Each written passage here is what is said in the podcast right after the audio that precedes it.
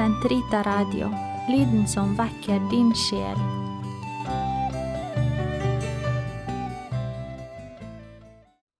Hei, og velkommen til Katolsk i hodet, episode 7, Er mirakler mulige, del 2. Mitt navn er Øyvind Evenstad, og dette er programmet der vi ser på ulike temaer fra et katolsk perspektiv som bygger på tru og fornuft. Hvis du ikke har hørt forrige ukes episode, episode 6, anbefaler jeg å høre på den først. Der konkluderte jeg med at et mirakel ikke nødvendigvis kan sies å utgjøre et brudd på en naturlov, fordi naturlovene simpelthen beskriver måten ting oppfører seg på under ellers like forhold, det vil si i en situasjon der ingen griper inn i systemet fra utsida, for eksempel Gud. I denne episoden skal jeg svare på den skotske opplysningsfilosofen David Hume sitt kjente argument mot mirakler i An Inquiry Concerning Human Understanding, og argumentere for at vi kan ha gode grunner til å tro at et mirakel har skjedd. Hume hevder, som den empiristen han er, at sansebasert erfaring er den eneste kilden vi har til kunnskap om faktiske forhold, matters of fact, i verden. Men erfaringa er ikke ufeilbarlig, og noen ganger kan den lede oss til å konkludere feil. Hume ser for seg en skala med grader av visshet om faktiske forhold, fra lavest til høyest. En vis mann vil passe på at enhver overbevisning stemmer overens med evidensen som er tilgjengelig. Hvis den ikke utgjør et fullt bevis, full proof, for det ene eller det andre, vil han konkludere med det som har mest erfaring på sin side, og derfor er mest sannsynlig. Hume påpeker at en av de viktigste kildene til kunnskap vi har, ved siden av direkte erfaring, er vitnesbyrd fra øyenvitner som har hatt direkte erfaring. Men vi kan bare stole på øyenvitnene fordi vi sjøl har erfaring av at vitnesbyrd ofte stemmer med virkeligheten. Hvis vi har grunner til å tro at et øyenvitne ikke forteller sannheten, mangler vi tilsvarende grunn til å tro på vitnesbyrdet. Hume hevder at evidensen som utgjøres av vitnesbyrd om uvanlige hendelser, vil bli redusert i større eller mindre grad, alt ettersom hvor uvanlig den påstått bevitna hendelsen er. Når vi hører et vitnesbyrd om noe som vi sjelden eller aldri har erfart, oppstår det nemlig en konflikt mellom to erfaringer. Den som ligger bak vitnesbyrdet, og vår egen erfaring av virkeligheten. Dette blir spesielt akutt når den påstått bevitna hendelsen ikke bare er uvanlig, men mirakuløs. Her begynner den første delen av Humes todelte argument mot mirakler, som ifølge Craig utgjør to forskjellige argumenter. Et argument i prinsippet, in principle, og et faktisk argument, in fact.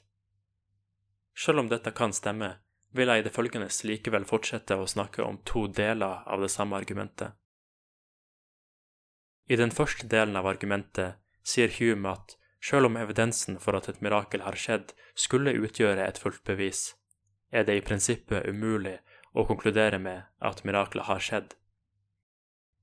Det er fordi, som han skriver, vår ensartede erfaring, uniform experience, av verden og dens uforanderlige naturlover utgjør et like fullt bevis mot mirakler. Dermed er vektskålene i likevekt, og man kan verken konkludere med at et mirakel har skjedd, eller at det ikke har skjedd. Her bruker Hume eksempelet med den døde mannen som blir levende igjen. Det har aldri blitt sett av noen, og derfor er det en hendelse som strider mot all vår tidligere erfaring. Den eneste måten det går an å konkludere med at det har skjedd et mirakel på, er hvis det ville ha vært enda mer mirakuløst at miraklet ikke hadde skjedd. I et slikt tilfelle vil det minste miraklet være det mest sannsynlige, og vektskåla vil så vidt tippe i den retninga, men man vil likevel ikke ha visshet om at det har skjedd. I den andre delen av argumentet sier Hume at evidensen for at et mirakel har skjedd, aldri utgjør et fullt bevis i virkeligheten. Faktisk er evidensen så dårlig at det ikke engang er sannsynlig at et mirakel har skjedd, og Hume gir fire grunner til å tro at dette er tilfellet. For det første er det ingen mirakler i historien som en tilstrekkelig mengde velutdanna og ærlige mennesker har vitna om, til at vi kan stole på at de ikke lyver. For det andre ligger det i vår menneskelige natur at vi tiltrekkes av fortellinger om det som er absurd og mirakuløst, og vi har en tendens til å tro på det som vekker undring i oss, sjøl når det meste av evidensen ligger på den andre sida. For det tredje er vitnesbyrd om mirakler mer utbredt blant barbariske folkeslag enn blant de siviliserte, og dette viser at jo mer opplyst man er, desto mindre tror man på mirakler. For det fjerde finnes det vitnesbyrd om mirakler i alle religioner, men de motsier hverandre. Derfor kan de ikke være sann. Hume konkluderer til sist om kristendommen at vår aller helligste religion er basert på tro, ikke på fornuft. Dette er altså Humes argument mot mirakler. Selv om noen fortsatt bruker det, har det også blitt beskrevet som en total mislykkethet, abject failure, av den amerikanske filosofen John Ehrman. I sin egen samtid, og i tida like etter hans død, ble Humes argumentasjon utsatt for en rekke innvendinger, som Craig gir et resymé av.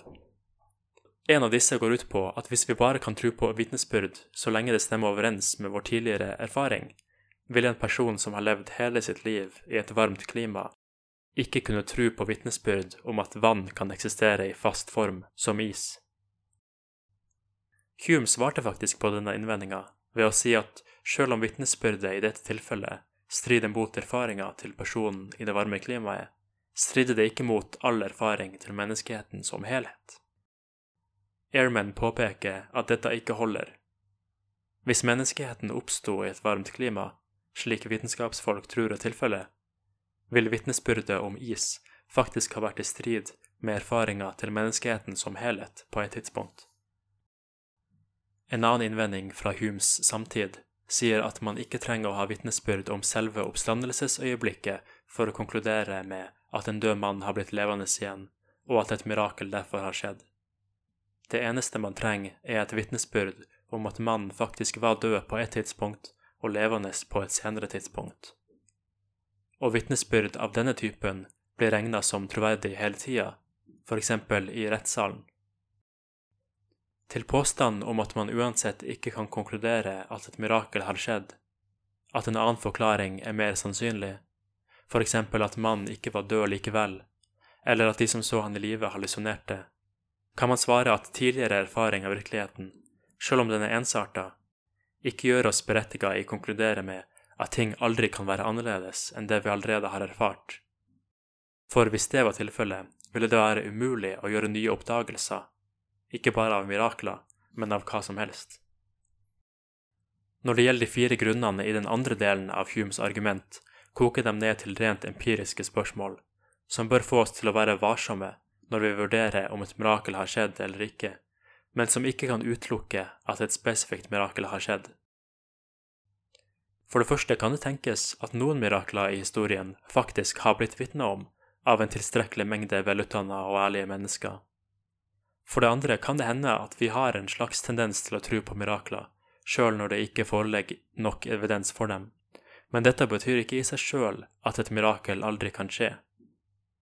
For det tredje er det noen vitnesbyrd om mirakler som forekommer blant siviliserte folkeslag, og ikke bare blant barbarer. For det fjerde står kristendommen i en særstilling blant alle religionene, siden den baserer sin troverdighet på et mirakel, Jesu oppstandelse fra de døde, som angivelig har skjedd i historien og kan etterforskes. Den siste innvendinga mot Hume denne gangen fra den berømte naturteologen William Paley, sier at Hume gjør seg skyldig i en form for petitio principii, at han forutsetter det han forsøker å bevise. Når Hume påstår at vi ikke kan tro på vitnesbyrd om mirakler fordi det strider mot all vår tidligere erfaring, forutsetter han at ingen har erfaring av et mirakel, og derfor at det aldri har skjedd. Dette ser ut til å være et tilfelle av sirkelargumentasjon der Hume simpelthen antar at alle vitnesbyrd om mirakler gjennom historien må være usann, fordi han sjøl ikke har erfaring av et mirakel. Hvis vi tenker på iseksempelet fra tidligere, kan vi se hvor absurd det ville vært hvis vi antok at alle vitnesbyrd om is måtte være usann fordi vi sjøl ikke hadde erfaring av is. En annen uheldig konsekvens av Humes argumentasjon er at vi aldri kan tro på vitnesbyrd om svært usannsynlige hendelser, uansett hvor pålitelig vitnet er. Det er nemlig ikke bare mirakler som er svært usannsynlige. Ikke-mirakuløse hendelser kan også være det. For å endre litt på et eksempel som er lånt fra Craig. Det er svært liten sannsynlighet, én mot flere millioner, for at du vinner Lotto. Men det betyr ikke at du aldri kan tro på det hvis det faktisk skulle skje og du blir oppringt av lotteriet som bekrefter det. Dette er, som Mackie påpeker, fordi det er den påstått bevitna hendelsens iboende intrinsic sannsynlighet som ifølge Hume avgjør hvorvidt man bør tro på et vitnesbyrd. Jo mer iboende usannsynlig en hendelse er, desto mer pålitelig må vitnesbyrdet og vitnets erfaring være. Men et mirakel er maksimalt usannsynlig, Derfor kan man, som nevnt, bare tro på det hvis alternativet er et enda større mirakel. Sannsynlighetsteoretikere i tida etter Hume, som Nicolas de Condorcet og John Stuart Mill, har vist at det viktigste ikke er den iboende sannsynligheten, eller usannsynligheten av noe, men sannsynligheten for at vitnesbyrdet ville ha vært det samme hvis den påstått bevitna hendelsen ikke hadde skjedd. I eksempelet ovenfor er det svært usannsynlig at du ville blitt utpekt som vinner av lotteriet hvis du faktisk ikke hadde vunnet. Craig bruker Bayes teorem, oppkalt etter den engelske statistikeren Thomas Bayes, for å vise hvordan sannsynligheten for et mirakel kan regnes ut ved å ta spesifikk evidens med i vurderinga, sammen med vår generelle bakgrunnskunnskap om verden. Selv om et mirakel kan virke svært usannsynlig hvis man bare ser på bakgrunnskunnskapen, kan den spesifikke evidensen for miraklet gjøre at det blir langt mer sannsynlig, og denne evidensen trenger ikke sjøl å være mirakuløs. Swinburne påpeker at hvis man allerede har konkludert med at Gud eksisterer ut fra andre gudsbevis, som for eksempel det ontologiske, det kosmologiske og det teleologiske gudsbevis, og forutsetter Guds eksistens som en del av bakgrunnskunnskapen sin, er det rimelig å forvente at Gud vil gripe inn i den naturlige orden fra tid til annen for å svare på bønner og hjelpe sine skapninger på andre måter. Men ikke for ofte, for da ville vi ikke lenger kunne forutse de naturlige konsekvensene av våre handlinger. Her er det verdt å påpeke et generelt poeng om at vitnesbyrd om mirakler naturlig nok vil fremstå som mer sannsynlig hvis man allerede går ut fra at Gud eksisterer på et uavhengig grunnlag. Men hvis vitnesbyrdet er pålitelig nok, vil et mirakel, som tidligere nevnt, også kunne fungere som et tegn på at Gud eksisterer.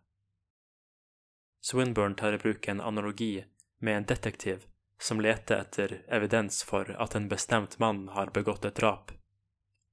På samme måte som visse typer av vitnesbyrd utgjør evidens for at han er drapsmann, vil vitnesbyrd om at mirakler faktisk har skjedd, utgjøre evidens for at Gud eksisterer. Swinburne påpeker at bakgrunnskunnskap er viktig når man skal vurdere hvorvidt et vitnesbyrd om et mirakel er troverdig eller ikke, men at man også må ta med andre faktorer i vurderinga, deriblant fakta om vitnene og historisk evidens som er relevant for hendelsen som vitnene påstår å ha sett, inkludert dokumenter og arkeologiske levninger. Slike faktorer må veies opp, sammen med bakgrunnskunnskap av to slag, både kunnskapen om hvordan ting i naturen vanligvis skjer, altså i henhold til naturlovene, og de andre argumentene for Guds eksistens. Hvis vi ikke klarer å finne en naturlig forklaring på et fenomen, enten vi erfarer det sjøl eller hører om det gjennom et vitnesbyrd, kan vi i noen tilfeller være berettiget i å tro at et mirakel har skjedd. Det finnes mange vitnesbyrd om at mirakler har skjedd gjennom historien, og noen av dem er ganske godt dokumentert. Man bør ikke tro på disse uten videre, men man må undersøke hvor god evidens det er for hvert enkelt mirakel, uten å utelukke at det kan ha skjedd. I denne artikkelen har jeg gitt en filosofisk drøftelse av mirakler, og sett nærmere på to spesifikke spørsmål. Er mirakler mulige, og kan vi ha gode grunner til å tro at et mirakel har skjedd? Vi så at Hume og Swinburne har definert et mirakel som et brudd på en naturlov, men dette er ikke nødvendigvis riktig. Et mirakel kan defineres som en guddommelig inngripen i den naturlige orden, og dette kan forekomme uten at det skjer noe som strengt tatt er i strid med naturen, jf. Thomas Aquinas og andre. Humes argument mot mirakler blir fortsatt brukt, men vi har sett at det finnes flere innvendinger mot begge deler av argumentet. På grunnlag av dette kan vi konkludere med at vitnesbyrd om mirakler ikke bør avfeies som usann uten videre, men at man bør se på hvert enkelt tilfelle og vurdere det ut fra den spesifikke evidensen som er tilgjengelig, i tillegg til generell bakgrunnskunnskap. Hvis bakgrunnskunnskapen vår inkluderer andre argumenter for Guds eksistens, vil det øke sannsynligheten for at et mirakel har skjedd. Og hvis man kan vise at et mirakel har skjedd, vil det igjen øke sannsynligheten for at Gud eksisterer. Jeg håper at dette har vært nyttig for deg. Legg merke til at når Hume sier at kristendommen er basert på tro og ikke fornuft, går han imot det katolske synet om at tro og fornuft henger nøye sammen. Kanskje ligger det også en skjult kritikk mot religion generelt her. En religiøs person må, ifølge Hume, legge fra seg fornuften og handle på en irrasjonell måte. Men dette stemmer ikke som jeg håper å ha vist. Til slutt ønsker jeg å takke for at du har hørt på denne episoden av Katolske Hode. Mitt navn er Øyvind Evenstad, og dette er programmet der vi ser på ulike temaer fra et katolsk perspektiv som bygger på tro og fornuft. Til neste gang ønsker jeg deg ei velsigna uke, og på gjenhør.